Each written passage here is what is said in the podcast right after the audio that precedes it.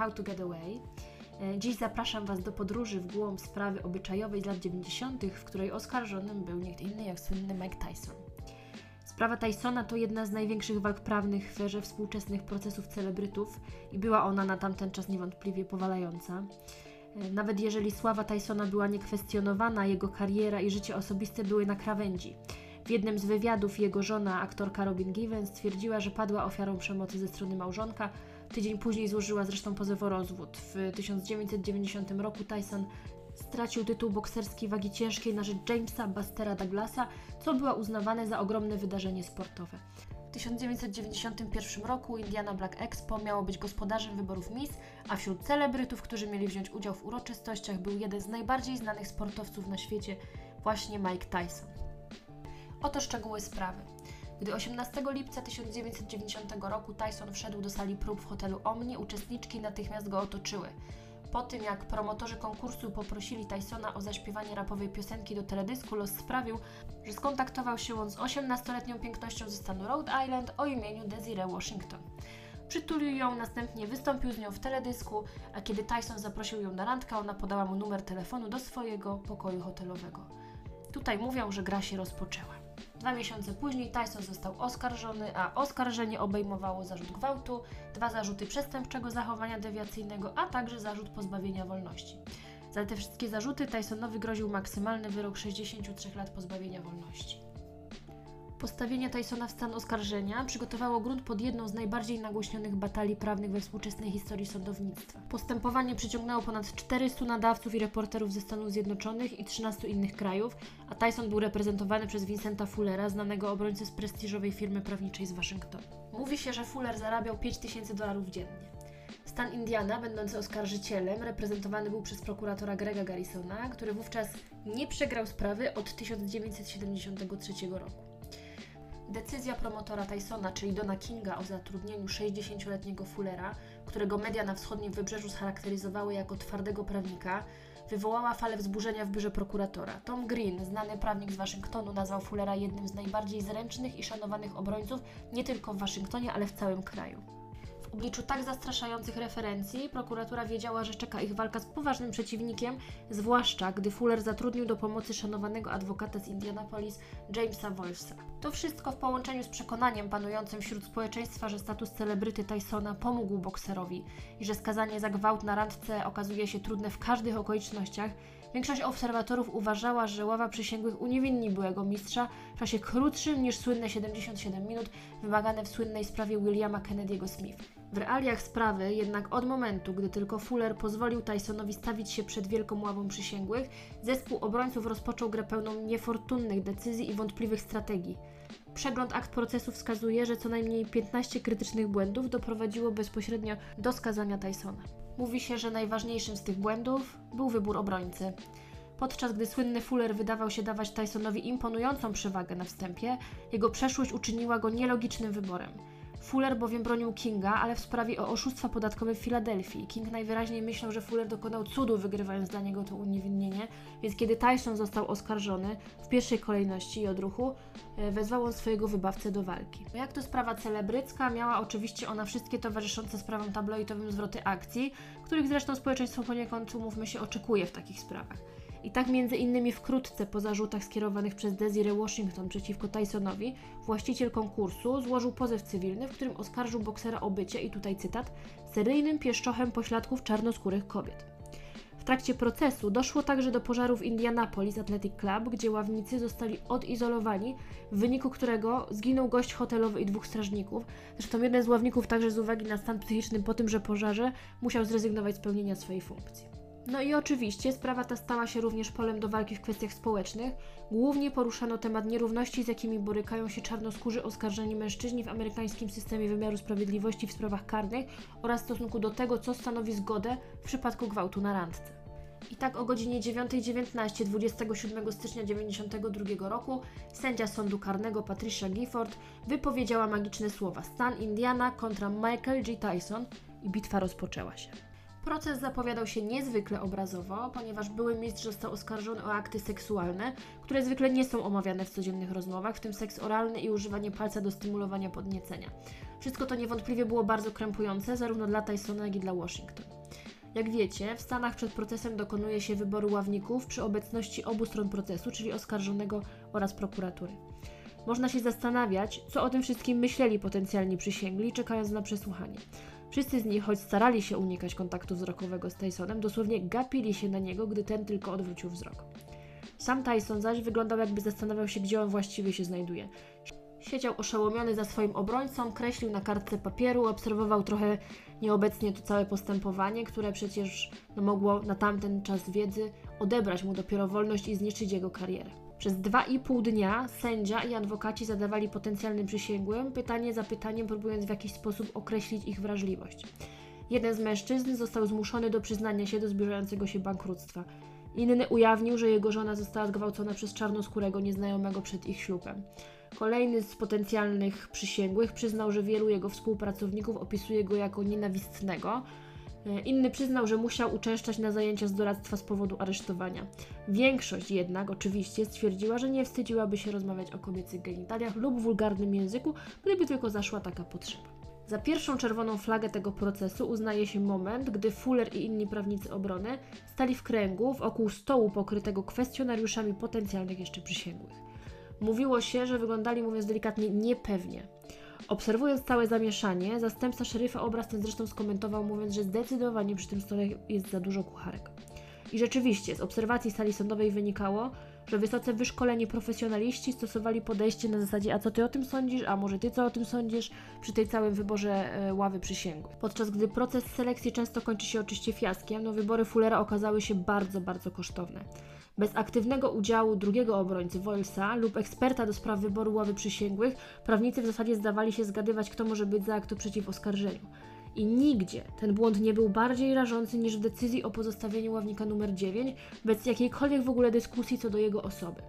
A ławnik numer 9 to były żołnierz Marine i od razu wyróżniał się on jako potencjalny wróg obrony i to zarówno ze względu na swoje pochodzenie, jak i konserwatywne odpowiedzi podczas przysłuchań. I żeby nie było, że wiemy o tym dopiero dzisiaj, a nie wtedy, to trzeba przypomnieć, że pozostawienie tego człowieka, jedynego zresztą, który robił notatki, podczas przesłuchania wstępnego potencjalnych przysięgłych, przywołało ekspertom procesowym katastrofalną decyzję słynnego adwokata, obrońcy w innej sprawie, czyli Lee Bayleya, o pozostawieniu pułkownika sił powietrznych na ławie przysięgłych, która skazała Patty Hearst. Ten wojskowy ostatecznie kontrolował obrady, podobnie zresztą jak y, przysięgły numer 9 w sprawie Tysona, i obaj też wykazali się zdolnością do przejęcia dowodzenia, rozdając miętówki innym ławnikom podczas procesu. Do godziny 11 dnia 29 stycznia wybrano 15 przysięgłych, w tym trzech zastępców. 25% z nich było czarnoskórych, a 75% stanowili mężczyźni. Pięć ważnych wniosków przedprocesowych w tej sprawie czekało już na decyzję sędzi Gifford, począwszy od wniosku obrony o wykluczenie nagrania zawierającego podżegający cytat Tysona. Sędzia zgodziła się ostatecznie na wykluczenie tej taśmy, więc ława przysięgłych nigdy nie usłyszała, jak były mistrz powiedział podczas konferencji prasowej, powinienem był zabić sukę, kiedy miałem okazję. Otwarto rozprawę, a prokuratura wezwała jednego z hotelowych współlokatorów Desiree Washington i kilku pracowników hotelu, w którym mieszkała ofiara. Celem tego zabiegu oczywiście była próba dokonania rekonstrukcji zdarzeń. Wśród świadków znalazła się Virginia Foster, kierowca limuzyny, która woziła Tysona po Indianapolis i która odwoziła też Desiree Washington do jej hotelu po rzekomym gwałcie. I ta zapytana o zachowanie Washington, gdy wróciła do limuzyny, Foster powiedziała: Jej włosy nie były tak zadbane, wyglądała na rozgorączkowaną, w stanie szoku, oszołomiona, zdezorientowana, nie mogła się skupić i wyglądała na przestraszoną. Bezosobowy styl przesłuchiwania obrońcy Tysona od początku stawiał go w dosyć niekorzystnym świetle przy przesłuchaniu kierowcy Tysona. Z powodu rzekomego osobistego incydentu Virginia Foster z udziałem Tysona, ta bowiem zeznała, że Tyson kiedyś zwabił ją do swojego pokoju hotelowego i próbował ją dotknąć, a następnie obnażył się, Foster najwyraźniej żywiła urazę. Fuller jednak, jako obrońca Tysona, nigdy nie zdawał się dostrzegać potrzeby zdyskredytowania tych zeznań Foster. Raz po raz dochodziło bowiem do sytuacji, w których Fuller mógł docisnąć tego świadka, a zamiast tego ustępował Foster i wyszła ona z tych zeznań bez szwanku, przez co twarze ławy przysięgłych zdawały się wskazywać, że niektórzy kwestionowali rzekomą niezwyciężoność Tysona już na tym etapie.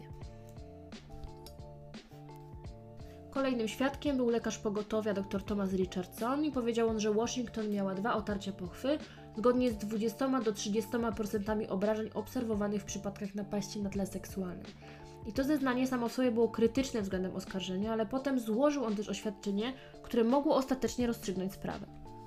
Lekarz zapytany, czy widział wcześniej takie obrażenia, spokojnie odpowiedział, że tylko dwa razy w ciągu 20 lat widział takie otarcia i pojawiały się one po seksie za obopólną zgodą. Ten dowód trafił w sedno obrony, ponieważ przysięgli zawsze chcą wierzyć ekspertowi medycznemu. Fuller jednak pozostawał głodny i nie potrafił pozostawić świadka z tymi słowami. Zdecydował się więc dalej go dopytywać, przez co przypadkowo uwolnił bombę. Richardson bowiem sprecyzował, że w 20 tysiącach przypadków widział tylko dwa z podobnymi obrażeniami, które miały miejsce podczas seksu za obopólną zgodą. Brak zręczności przesłuchania, które tutaj prezentował Fuller i takie przedstawienie statystyk przez lekarza znacznie obniżyły korzyści dla Tysona płynące z tego przesłuchania.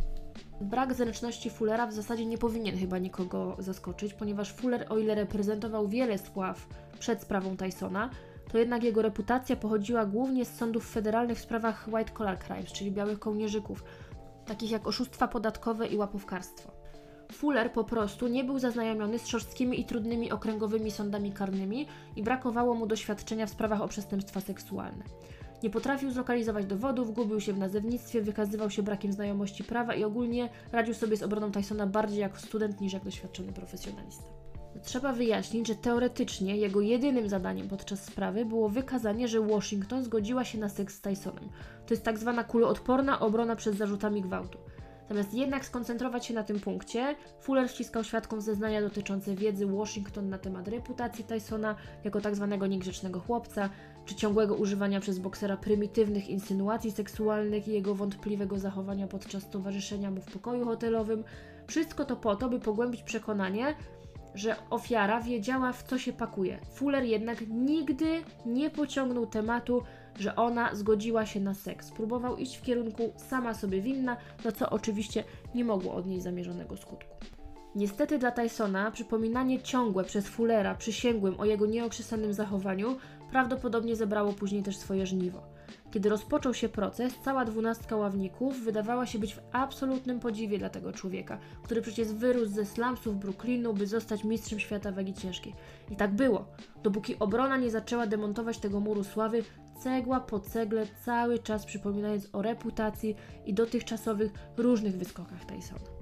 W tej niefortunnej próbie wykazania, że Washington musiała wiedzieć, że Tyson chciał seksu, obrona powoływała świadka za świadkiem, aby zeznawali oni o sprośnych uwagach i prymitywnym zachowaniu ich klienta podczas spotkań z uczestniczkami konkursu Miss, a nawet z samą Washington. I tak, jedna z uczestniczek konkursu, Tenia Traylor, na przykład przypomniała sobie, że wszystko, co mówił Tyson, miało podtekst seksualny. Powiedziała, że wypytywał on wszystkich, a jeśli otrzymał odpowiedź odmowną, to przechodził do następnej dziewczyny. Mówił o zabieraniu dziewczyn z powrotem do pokoju, że pocałunek wystarczy, ale seks jest lepszy. Taylor zeznała, że podczas ceremonii otwarcia konkursu Tyson nadal zachowywał się w ten sam sposób. Świadek zeznała też, że kiedy inny uczestnik zapytał go o rozmiar jego rąk, Tyson zrobił oczywiście sugestywną uwagę na temat tego, do czego ręce te mogłyby być używane. Ten sposób obrona uderzała swojego własnego klienta, a ława przysięgłych pomimo początkowego podziwu zaczęła rozumieć, że Tyson właściwie może być winny. Te okoliczności w połączeniu z katastrofalnym występem Tysona podczas przesłuchania pozbawiło go aury niezwyciężoności. Co zadziwiające z punktu widzenia obrońcy, Fuller poświęcił niewiele czasu na pytania, które mogły dać ławnikom pełną historię tego, co wydarzyło się w pokoju 606. Desiree Washington przedstawiła długą relację z wydarzeń z 18 i 19 lipca. Jak Tyson zadzwonił do niej około 1.45, aby zwiedzić miasto, a następnie odebrał ją swoją limuzyną. Zabrał ją z powrotem do swojego pokoju i nawiązał małą rozmowę, gdy oboje siedzieli na łóżku. Washington zeznała, że odbyli następującą rozmowę. Lubisz mnie? zapytał Tyson. Wydajesz się w porządku, odpowiedziała. Następnie jego głos nieco się zmienił, zeznała Washington i powiedział: Podniecasz mnie. Nie jestem taka, odpowiedziała w pokoju hotelowym. Następnie, jak zeznała, Tyson podniósł ręce do twarzy, a ona wstała, mówiąc: Chcę skorzystać z łazienki, a potem wyjdziemy. Dobrze, miał powiedzieć Tyson. Następnie Washington wstała, zostawiając za sobą torebkę. Washington powiedziała, że po skorzystaniu z łazienki zauważyła wydzielinę na osłonie swoich majtek. Powiedziała, że usunęła wkładkę i wyrzuciła ją.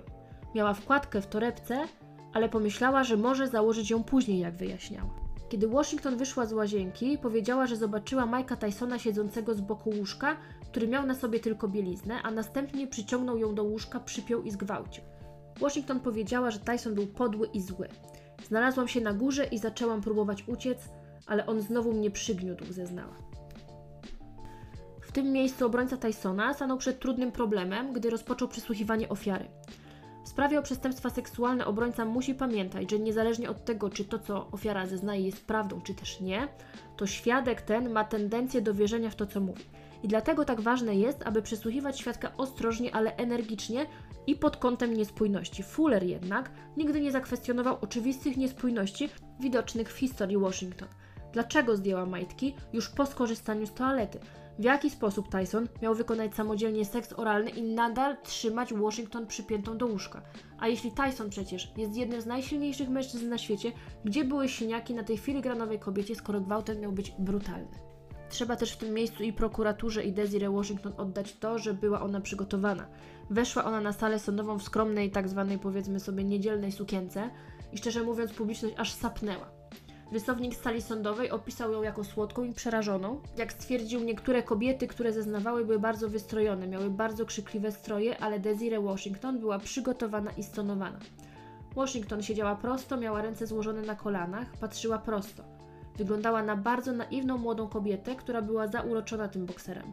Wyglądała na kogoś, kto wpadł po uszy, a potem zorientowała się, że nie powinna była iść do jego pokoju. Poszła, bo po prostu myślała, że spędzi dobrze czas ze słynnym Mike'iem Tysonem. Uczestnicy procesu tak ją właśnie opisywali i dodawali, że można w zasadzie zrozumieć, jak ona znalazła się w takiej sytuacji.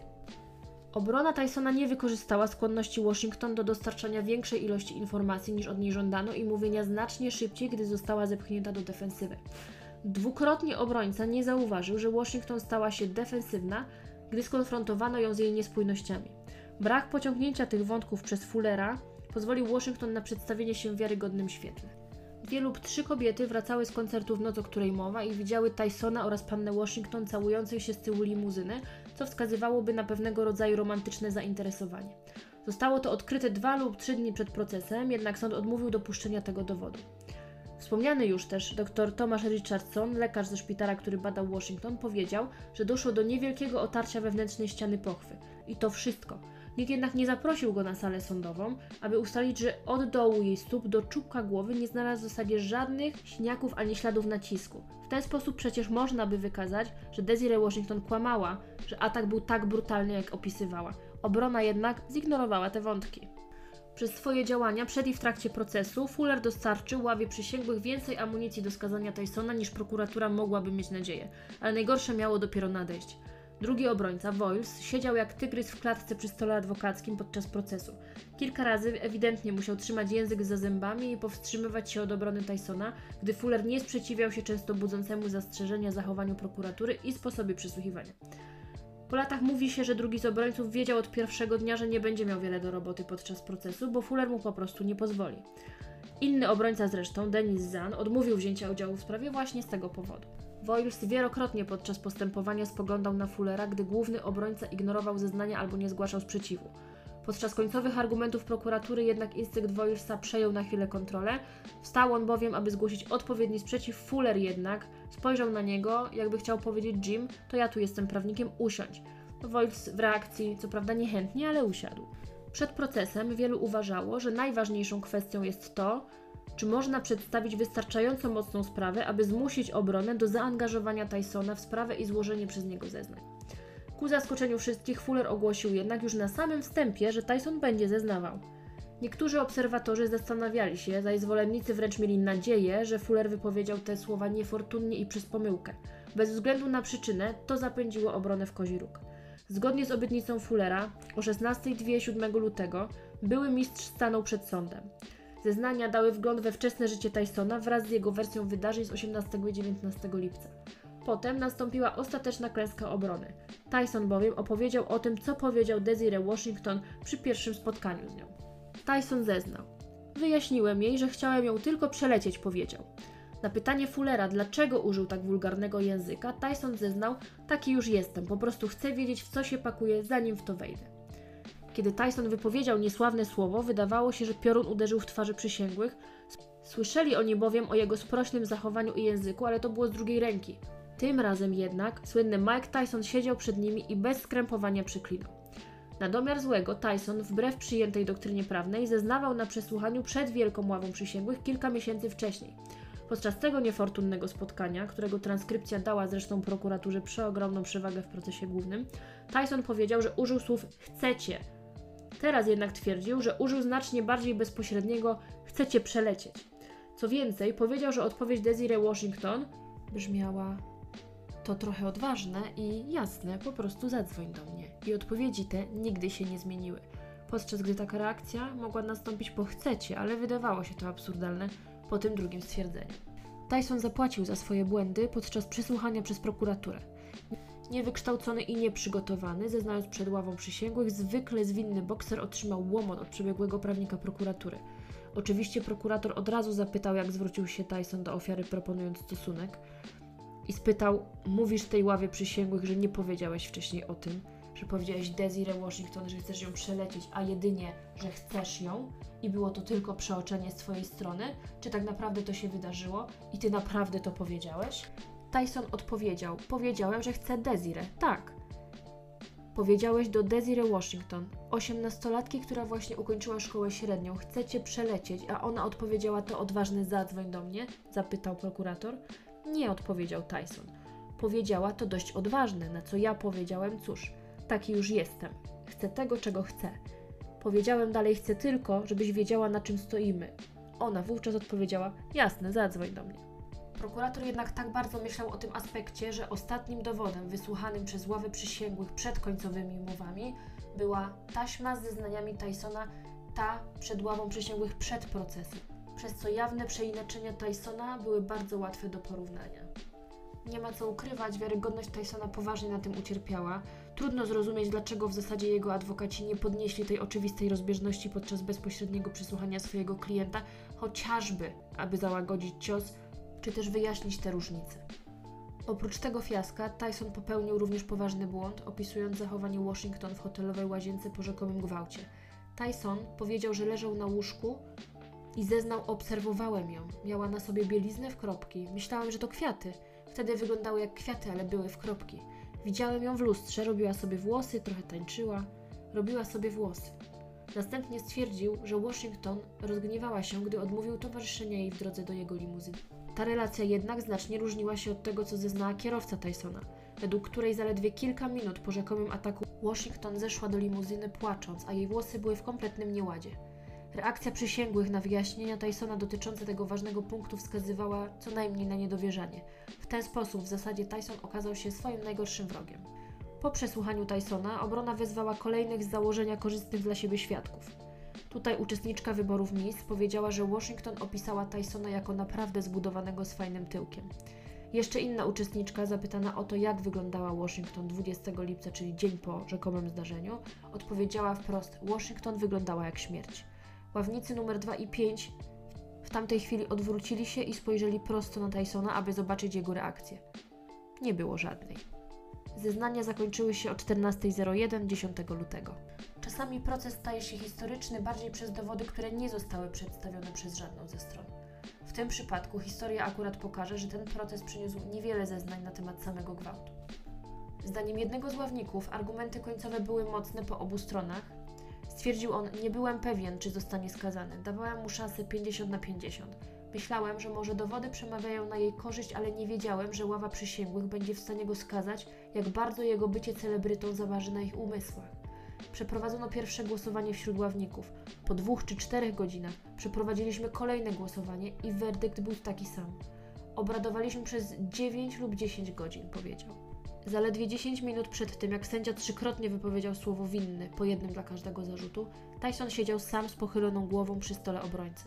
Ponieważ sala rozpraw była wypełniona po brzegi, obrońca Tysona nie towarzyszył mu na sali rozpraw. Były mistrz wyglądał na przygnębionego. Niezależnie od werdyktu, ten smutny obraz samego Tysona na pewno utkwił wszystkim w pamięci. Po pierwszym winny od sędziego, głowa Tysona przechyliła się na bok, co najmniej jakby został uderzony mocnym prawym sierpowym.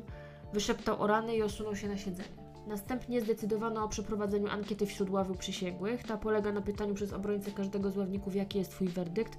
W ten sposób Tyson został dodatkowo zmuszony do wysłuchania 12 prostych win od ławników. O 22.53 już było po wszystkim, a Tyson no, był skazanym przestępcą, któremu groziło do 63 lat więzienia.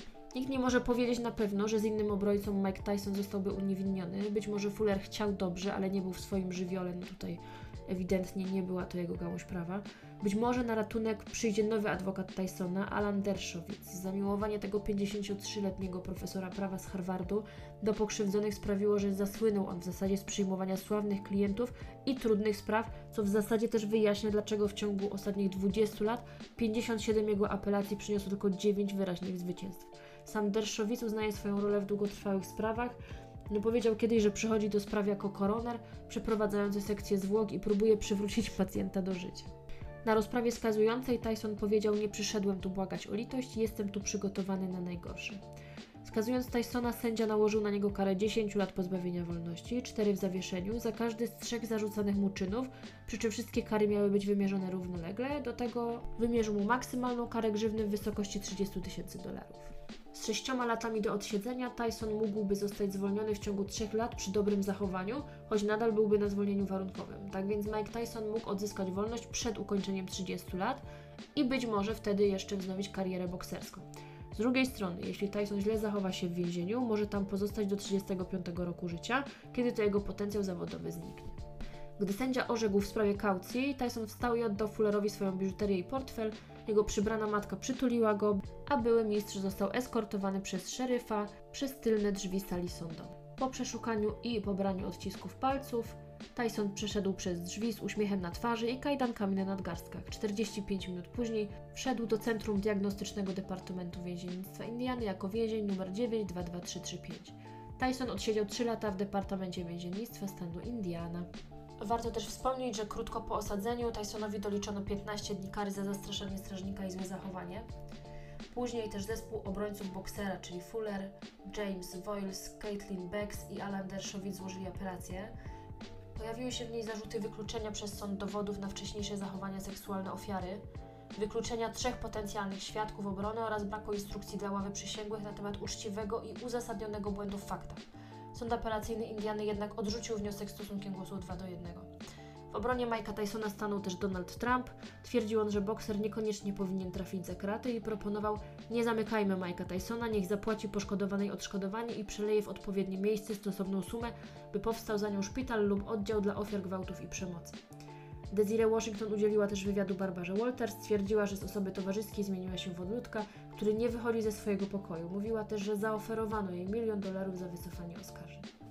No i teraz po kilku latach od procesu wielu znawców komentowało, że sprawa Tysona została źle poprowadzona, powołując się na proces wyboru ławy przysięgłych, który pozwolił konserwatywnemu byłemu żołnierzowi zostać przewodniczącym tej ławy, no ale także na strategię obrony, polegającą na tym, aby Tyson chyba po prostu wyglądał tak źle, jak to tylko możliwe. Do tego wielu podkreśla też katastrofalną wręcz decyzję o zezwoleniu oskarżonemu na zeznawanie podczas y, przesłuchania.